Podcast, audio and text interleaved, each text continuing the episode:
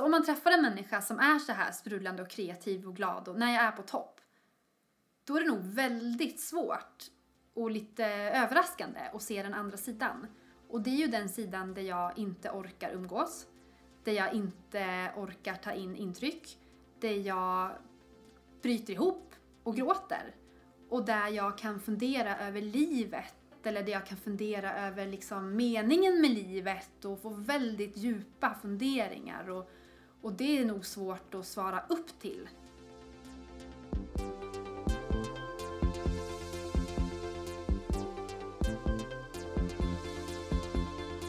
Du lyssnar på HSP-podden med Leveby och Klar. Hej och välkomna till HSP-podden med Leveby och Klar. Det här är podden som handlar om högkänslighet och allt som hör därtill.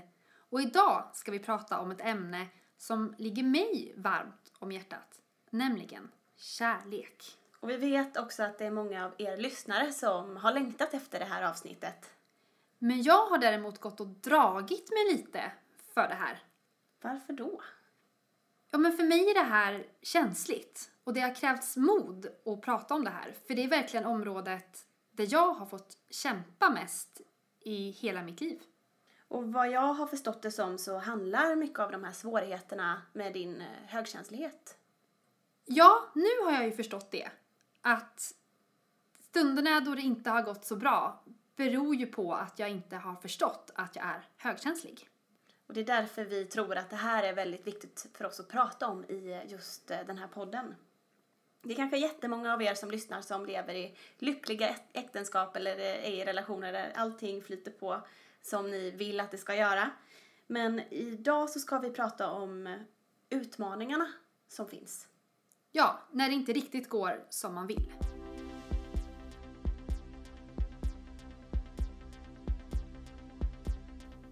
Ida, var är du nu när det kommer till kärleken? Jag lever själv Ja. och är väldigt eh, nöjd med det. Känner mig stolt över att jag klarar mig så himla bra och att jag inte längre har det här behovet av att leta efter kärlek och vara ihop. Vad härligt. Mm. Mm, du är på en bra plats. Vi är på en jättebra plats men det Ja. har tagit tid att komma hit. Ja. Och du sa i början att du har kämpat väldigt mycket med just kärleken. Kan du berätta lite om det? Vad är det du har kämpat med? Ja, men jag har ju en rad av relationer bakom mig som jag nu ser på med helt andra ögon utifrån högkänslighetsglasögonen. Där jag tidigare bara har upplevt ett kaos på något sätt. Det har varit väldigt mycket fram och tillbaka och väldigt mycket eh, intensivt och jättedjupa starka känslor och hjärtesorg och ren liksom men nästan så att jag inte får luft Ja. när jag pratar om det. Det har varit så tufft. Medan jag har tittat på mina andra vänner och närstående så har det verkat så lätt. Och för mig har det varit så svårt. Men har det varit liksom den här nyförälskelsefasen som har varit väldigt intensiv och sen har det varit bra under förhållandet och sen har det tagit slut och då kommer hjärtekrossen? Eller har det varit en ständigt. Kamp genom hela relationen? Ja men eh, det jag kan minnas, jag har ju haft några längre relationer när vi pratar liksom sambo och, och varit tillsammans länge. Och det har väl varit, eh, jag har ju gått in i det så mycket.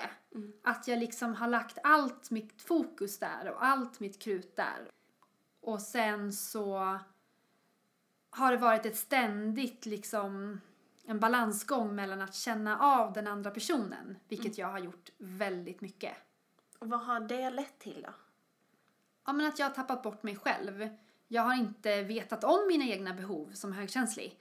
Och jag har känt av den andra innan den ens har förstått att den har varit i obalans. Och då har det blivit min uppgift på ett omedvetet plan att balansera upp den andra personen. Så jag har varit i, i relationer där jag har balanserat upp den andra och försökt balansera upp mig.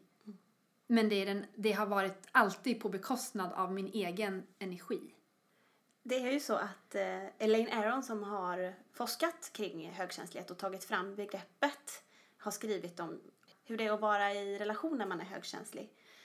Och då skriver hon så här att högkänsligas nervsystem plockar upp de mest subtila nyanserna i omgivningen, det omärkbara, och reflekterar över det här subtila väldigt djupt. Och det betyder för det första att högkänsliga tenderar att kräva mer djup i sina relationer för att vara ja, tillfredsställda med relationen. Men också att deras partners brister och vissa beteenden upplevs som större hot och snabbt börjar göra att den högkänsliga då börjar oroa sig för vart är relationen på väg och så. Jag tänkte på det när du pratar om Ja. att du plockar upp det här. Känner det, där du igen är, dig? det där är så läskigt och också så himla skönt att höra, för det är precis så det har varit. Jag vill ha den här närheten och jag kräver ett djup, jag kräver en connection Mm. som kanske som inte finns hos den andra personen Nej. naturligt. Men också precis det som sägs där att jag har känt av på en sekund. Vad är det nu? Och vad kommer det här betyda för relationen? Och det här är mitt ansvar. Mm. Att lösa det här. Och då har du lappat ihop det. Alltid. Mm. Och hur har det gått att, att försöka involvera den här personen i det här att lappa ihop det och, och, och göra det bättre och, och sådär? Nej, Men jag tror att det har varit lite grann en, en, e- ett en, enpersonsjobb. Mm. Och när jag har tagit upp saker så har jag ofta fått höra, ja men vad är det nu då? Tänk inte så mycket, känn inte så mycket. Om jag känner någonting så måste jag prata om det direkt. Jag kan inte låta det gå. Andra kanske kan leva med att idag är det, är, är det balans och imorgon är det obalans och sen blir det bättre. Men om det är någonting så måste jag lösa det på en gång. Och då har nog de här personerna upplevt det som att ja, men nu kommer hon igen och nu är det någonting fel igen. Och då har jag försökt liksom att lägga locket på. Men då blir jag sjuk. Jag blir både typ, ursäkta ordvalet, men sjuk i huvudet. Mm. Och sjuk rent fysiskt. Jag blir galen om jag inte får lätta på trycket. Om man inte kan lösa saker och prata om saker. Då skapar jag en egen värld i huvudet. Han förstår inte ens vad det är du funderar på. Nej. Det är som att vi är på helt olika planhalvor. Och om jag då tar upp det och får höra vad är det nu då? Ja men då har jag backat och blivit tyst. Och Ja. tag, försökt ta hand om det själv och det har ju inte gått så bra för då har ju bara oron vuxit som en snöboll. Du har fått städa undan och Mm. liksom lappa ihop sakerna Och det tillsammans med att jag ska försöka ta hand om mig själv med alla mina intryck och alla mina liksom egna upp och nedgångar som det innebär att vara högkänslig. Så det har varit jättesvårt.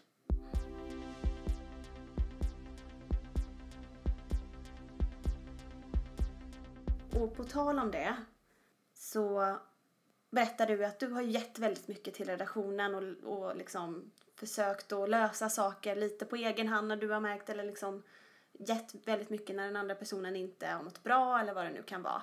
Har du fått samma tillbaka? Nej, det kan jag inte säga. Jag har alltid varit den som har gett mer och inte alls fått samma tillbaka. Och jag inser nu att det har nog varit en, en omöjlighet att ge mig så mycket som jag har behövt. Just för att där handlar det om att det handlar om ett djup och en, en andlighet och en känslighet. Och har man inte det så har man ju inte det. Nej. Så det förstår jag ju liksom Mm. idag. Kan du ge något exempel på det du ger? Ja, men jag har ofta, flera gånger fått höra att jag är väldigt eh, inkännande och att de har tyckt om att jag har varit så känslig. Att jag kan, när det har varit rätt känslighet, då är det fint att jag liksom lätt gråter om jag ser en, en sorglig film eller jag kan vara, jag öppnar upp på något sätt för det här sårbarheten och, och och djupet och jag kan reflektera och det har jag fått höra ofta så att ja, men du har så liksom egna spännande idéer eller en egen liten värld som man gärna vill komma in i Mm. på något sätt. De har dragits till det.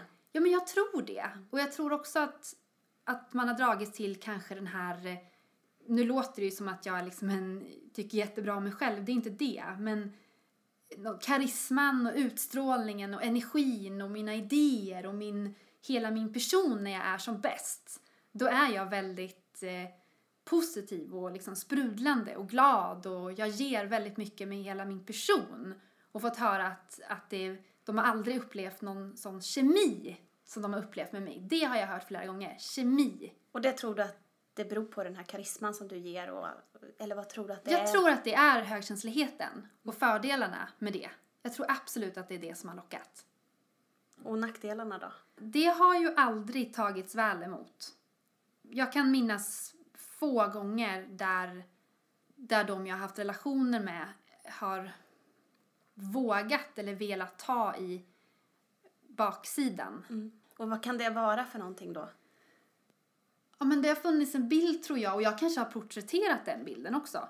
Men att jag alltid, alltså om man träffar en människa som är så här sprudlande och kreativ och glad och när jag är på topp, då är det nog väldigt svårt och lite överraskande att se den andra sidan. Och det är ju den sidan där jag inte orkar umgås, där jag inte orkar ta in intryck, där jag bryter ihop och gråter. Och där jag kan fundera över livet eller där jag kan fundera över liksom meningen med livet och få väldigt djupa funderingar. Och, och det är nog svårt att svara upp till. I morse var du ju så himla glad och nu ligger du och gråter i soffan. Vad är det för fel på dig? När jag hör det här så tänker jag på någonting som Alanis Morissette har sagt. För hon har ju också berättat att hon är eh, högkänslig. Och hon är ju med i den här nya filmen, eller hyf- hyfsat nya filmen i alla fall, och berättar. ehm, som heter Sensitive, the movie, tror jag. Eh, men hon har också gjort, gett en intervju, jag tänkte vi kunde lyssna lite på. Där pratar hon lite mer om sina om sin högkänslighet inom jobbet tror jag. Men jag tycker ändå att det kanske skulle kunna appliceras även i nära relationer. Vi lyssnar. Ja, on one hand, my traits and these qualities were seen as really positive and a boon and something that people were frothing at the mouth to exploit. And then in the same breath, it was something that was sort of the bane of my existence and a challenge for people to deal with. And, and there was a great misperception of my approach to life as being, um, you know, too high maintenance and too emotional and too, a lot of too much, too intense. And so I, I spent most of my life thinking that how I was was a problem for people. Yet at the same time, I was getting the message that what it was that I was coming to specifically because of my trait, they wanted that. They wanted the outcome and the fruit of my trait, but they didn't want my trait. so I, it was an interesting combination of being loved for it and being um, rejected for it.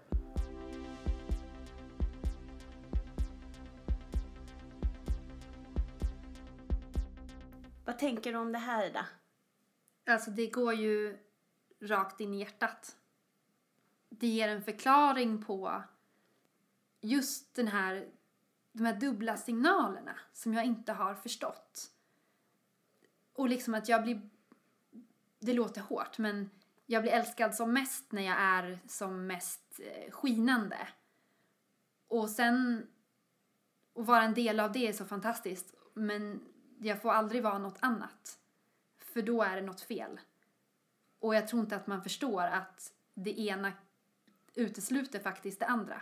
Jag kan inte vara mitt bästa jag om jag inte också får utrymme att vara inom situationstecken det sämsta. Skulle nästan vilja skicka den där lilla filmen till tidigare partners. Precis. Nej men skämt åsido, jag tror ändå att det är, alltså i grund och botten så handlar det väl om att förstå sig själv. Och jag tror att jag har inte förstått mig själv. Och jag har haft krav på att mina partners ska förstå mig. Men de har inte förstått. Och jag tror att generellt så tror jag att det är många som inte förstår det här med högkänslighet och hur det spelar in i en relation. Och därför tycker jag att det är bra att vi gör just det här avsnittet. Och nu känns det lite, lite lugnare i mig att kunna prata om det här. Vad skönt.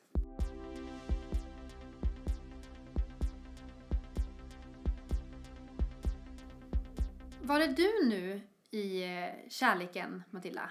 Bor själv i min etta och är singel och dejtar lite. Och hur känns det?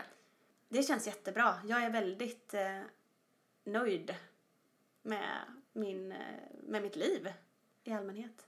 Men om du tittar tillbaka på de relationer du har haft, hur har det varit då? Det har varit både positivt och negativt såklart. Men, men det finns ju några saker som sticker ut som jag hade önskat att jag ha- hade vetat när jag hade varit i de här relationerna. Vad vet du nu då som du inte visste då? Det är nog att jag vet att människor fungerar på så olika sätt. Alla fungerar inte som jag. Du ser Det- det, här nästan som att du är, att det är en aha-upplevelse. Ja, det, det skulle jag säga att det nästan är faktiskt.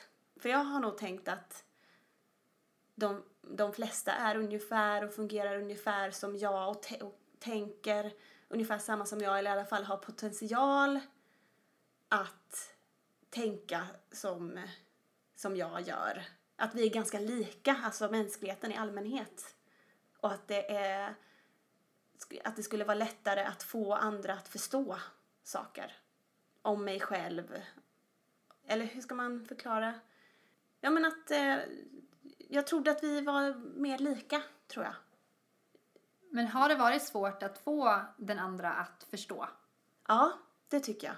Det, det har varit svårt och jag tror att jag har haft eh, svårt att förstå den andra personen också. Så det är ju liksom verkligen en tvåvägsgrej det här. Och det har varit svårt och det har tagit mig väldigt många år att komma till insikt om det här, skulle jag säga. Och det är ju faktiskt så också att det är de här olikheterna som vi har eh, som orsakar ganska många skilsmässor och uppbrott. Det har man kommit fram genom studier. Jag tänkte jag skulle läsa lite från det som Elaine Aron skriver om det här. Eh, hon skriver att vissa medfödda temperament kan orsaka trubbel i relationer. Och det beror bara på att de flesta av oss är totalt omedvetna om de drastiska skillnaderna i våra nervsystem. Men hon säger samtidigt att eh, det går att ha jättevärdefulla relationer på alla sätt, även om man är en så kallad mismatch. Men på vilket sätt har du förstått nu att ni var olika? Det var nog, det är nog efterhand. När man har behövt liksom analysera hur det blev som det blev på något sätt. Hur har du kunnat koppla din känslighet till just den insikten? Du pratade lite om djup innan. Och eh, där tror jag att jag alltid har velat... När jag har märkt att det funnits något problem i, i en relation så har jag velat ta tag i problemet från grunden. Jag känner att här är det något som inte riktigt funkar, vi måste prata om det här. Och då har jag velat gå ner på det på djupet medan den andra personen har velat lappa ihop det lite på ytan mer. Och då har det ju bara gått runt och skavt under ytan för mig medan den andra personen är kanske helt nöjd med det. Och att jag har liksom tänkt att men han kan ju inte vara nöjd med det här heller och att vi kommer nog komma framåt vad gäller det här.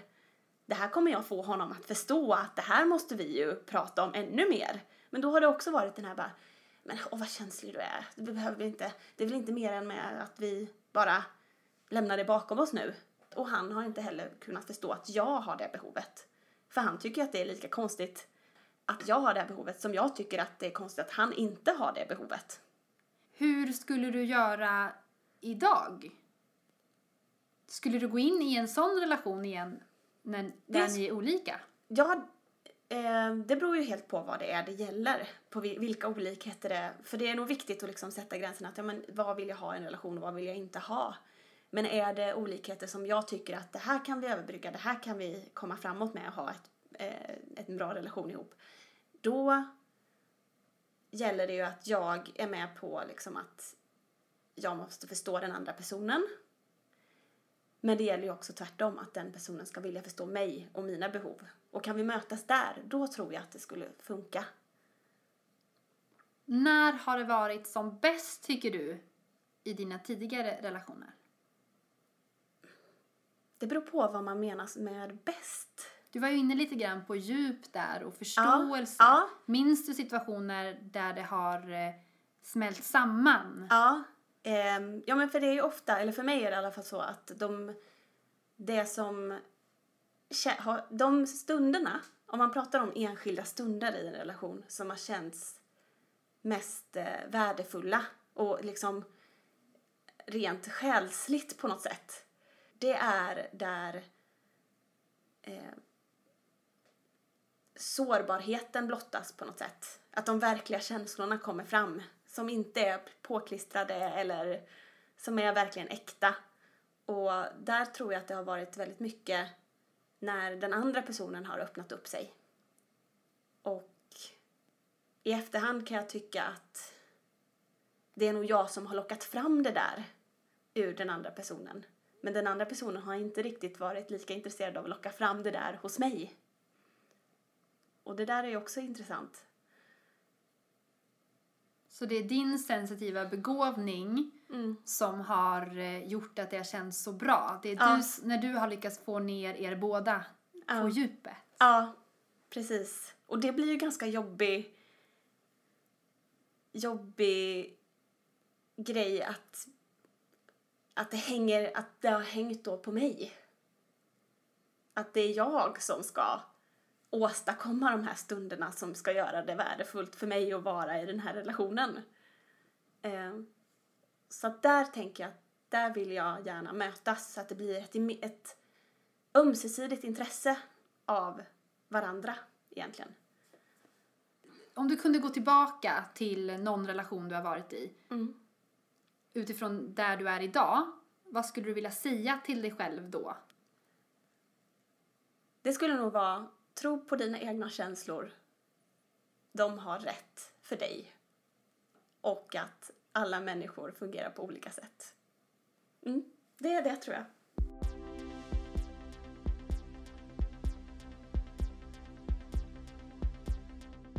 Men vart är vi nu då? Var är vi på väg? Vad vill vi? Vad tror vi? Vem passar oss? Vad ska vi ha? Ja, det är den stora frågan. Ja, som, som jag sa i början där så um, när du började fråga om hur, hur jag har det så är ju jag väldigt nöjd som det är just nu. Men jag vill ju ha någon relation framöver. Jag tror att jag skulle passa med någon som är känslig. Någon, som, är, någon som är som jag! Någon som är som du. Och jag var inne på det lite grann tror jag i bland de första avsnitten som vi gjorde här i podden. Där jag funderade på fortfarande vem jag skulle passa bäst med. Mm. Och jag har ju nu, hör och häpna, kommit på att jag vill ju absolut träffa en högkänslig person.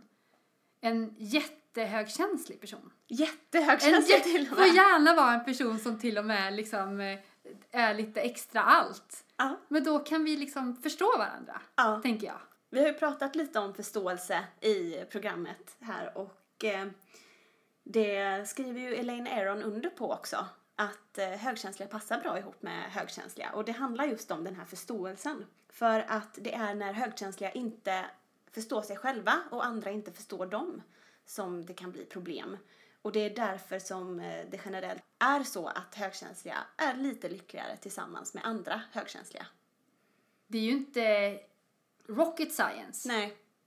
Vi dras väl alla, oavsett personlighetsdrag, så dras vi väl till dem som vi, vi tycker oss ha likheter med. Ja, Därmed inte sagt att det inte funkar för högkänsliga och icke-högkänsliga att vara tillsammans. Men jag tror att det blir lättare då eh, när, man har, när man får förstå sig själv som högkänslig. Att man, är, att man har kommit till insikter där om hur man är och vilka behov man har. Då blir det lättare att ge sig in i en, i en relation med en icke-högkänslig. Absolut, för då kan man ju hålla på sina egna behov och man kan sätta sina gränser och man kan förstå varandra Mm. på ett jättebra sätt. Och det finns ju personer naturligtvis som har ett otroligt djup och ehm, empati och alla fina egenskaper även om de är eh, icke-högkänsliga. Naturligtvis. Men ehm, jag, jag vill ändå ha det här jag vill ju gärna ha en person som är, har ett stort djup, som har jobbat mycket med sig själv, som är andligt intresserad. Det där Ja. är ju min grej. Mm. Och det, det har jag fått frågan från mina vänner. Så att, ja, men, räcker det inte med om han bara förstår dig? Måste du ha någon som har samma intressen som du och samma liksom Mm. med det där flummet? Typ. Mm. Ja, Ja. jag låg och tänkte här för mig själv eh, när vi planerade lite inför det här avsnittet ja. om eh, vart jag är på väg. Och då har jag en liknelse med en båt. Ja, jag älskar ju båtar så det här blir bra. Du gillar ju stora båtar. Ja. Det här börjar med en liten. Okej. En eka. Mm. Jag tänker på mitt liv innan jag visste att jag var högkänslig. Som att jag var på den här... Jag satt i den här lilla, lilla ekan på ett djupt och stormigt hav. Mm. När det gäller att ge sig in i nära relationer. Och gång på gång så blev jag skeppsbruten. Vraket gick i botten på något sätt. Och jag upp och kravla på den här lilla öde ön och tar några djupa andetag och kravlar mig ner i vattnet igen. Och hitta en ny liten eka och så stormar jag omkring där som att vattnet liksom hade kontrollen över mig. Jag hade inte kontrollen över båten. Nej. Och så höll det på. Och nu, när jag har förstått att jag är högkänslig och hur det påverkar mina kärleksrelationer, då är det som att jag har parkerat ekan Mm. på öde ön. Mm. Och så har jag insett att jag måste bygga mig en större båt som jag kan navigera och passa bättre i. Så jag har snickrat och grejat nu i några år faktiskt. Så nu har jag liksom ett stort fint skepp. Och så har jag dessutom tagit skepparexamen. Wow. Ja! Och så har jag fått min lilla mössa och mitt Mm. diplom. Och så nu tänker jag så här att ja, men nu kanske jag kan ge mig ut med den där båten snart. Mm. Och sen när jag känner mig tillräckligt trygg, då ska jag hänga upp diplomet inne, på, inne i någon liten hytt någonstans. Och så ska jag ta rodret och ge mig ut igen. Och då tror jag att det inte kommer vara lika stormigt hav. Nej. Men också, om det skulle vara det, så kommer ju den här nya båten Mm. att klara det Ja. och kunna, vad heter det? Kryssa lite på havets vågor. Ja. Härligt, vad Ja. skönt. Ja, för er som förstår metaforer. Ja men det gör ni, det vet vi att ni gör. Hur ser det ut med vår eh, favoritpoet Bertil Monegrim? Vad har han att säga oss den här veckan? Han ska prata lite om både skratt och gråt.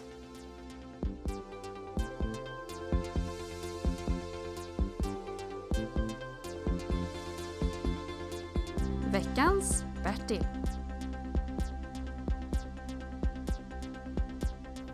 Skratt och gråt är olika, men kan påminna om varann ibland. När någon är ledsen så kanske den bara vill skrika att ingen hör mig i detta land. Det kanske klingar ett skratt från något fönster, men jag får inte vara med. För jag passar inte in i deras mönster, även om kärleken ska vara bred. Men ändå är det skönt att finnas till, för livet har så mycket att ge. Skratt och gråt speglas i varje pupill, så fortsätt att mot livet le. Och för dig som letar och längtar efter kärleken, den där relationen som ska ge dig så mycket. Var hittas de högkänsliga och känsliga personerna? Jo, ett bra ställe är till exempel mensaträffar och poesikvällar. I alla fall enligt forskaren Elaine Aron. På vår hemsida leverviochklar.wordpress.com hittar du artiklar om just kärlekssökande, vad du kan göra som högkänslig och vad som kanske passar dig bäst. Och mycket mer såklart. Ni kan också följa oss på Facebook. Där heter vi HSP-podden med Leveby och Klar. Men nu säger vi hej då för den här veckan. Tack för att ni har lyssnat. Hej då! Hej då! Nästa vecka träffar vi den högkänslige matexperten Fredrik Paulum. Och med oss pratar han om känsloätande, om hur vi håller oss borta från lågt blodsocker och från att bli hangry. Ja, Jag blir inte den trevliga Fredrik. Alltså jag blir ju grinig och otålig. Och för mig är ju hungern en smärta. Alltså det är, det är ju en ren pain. Så jag vill undvika det till varje pris.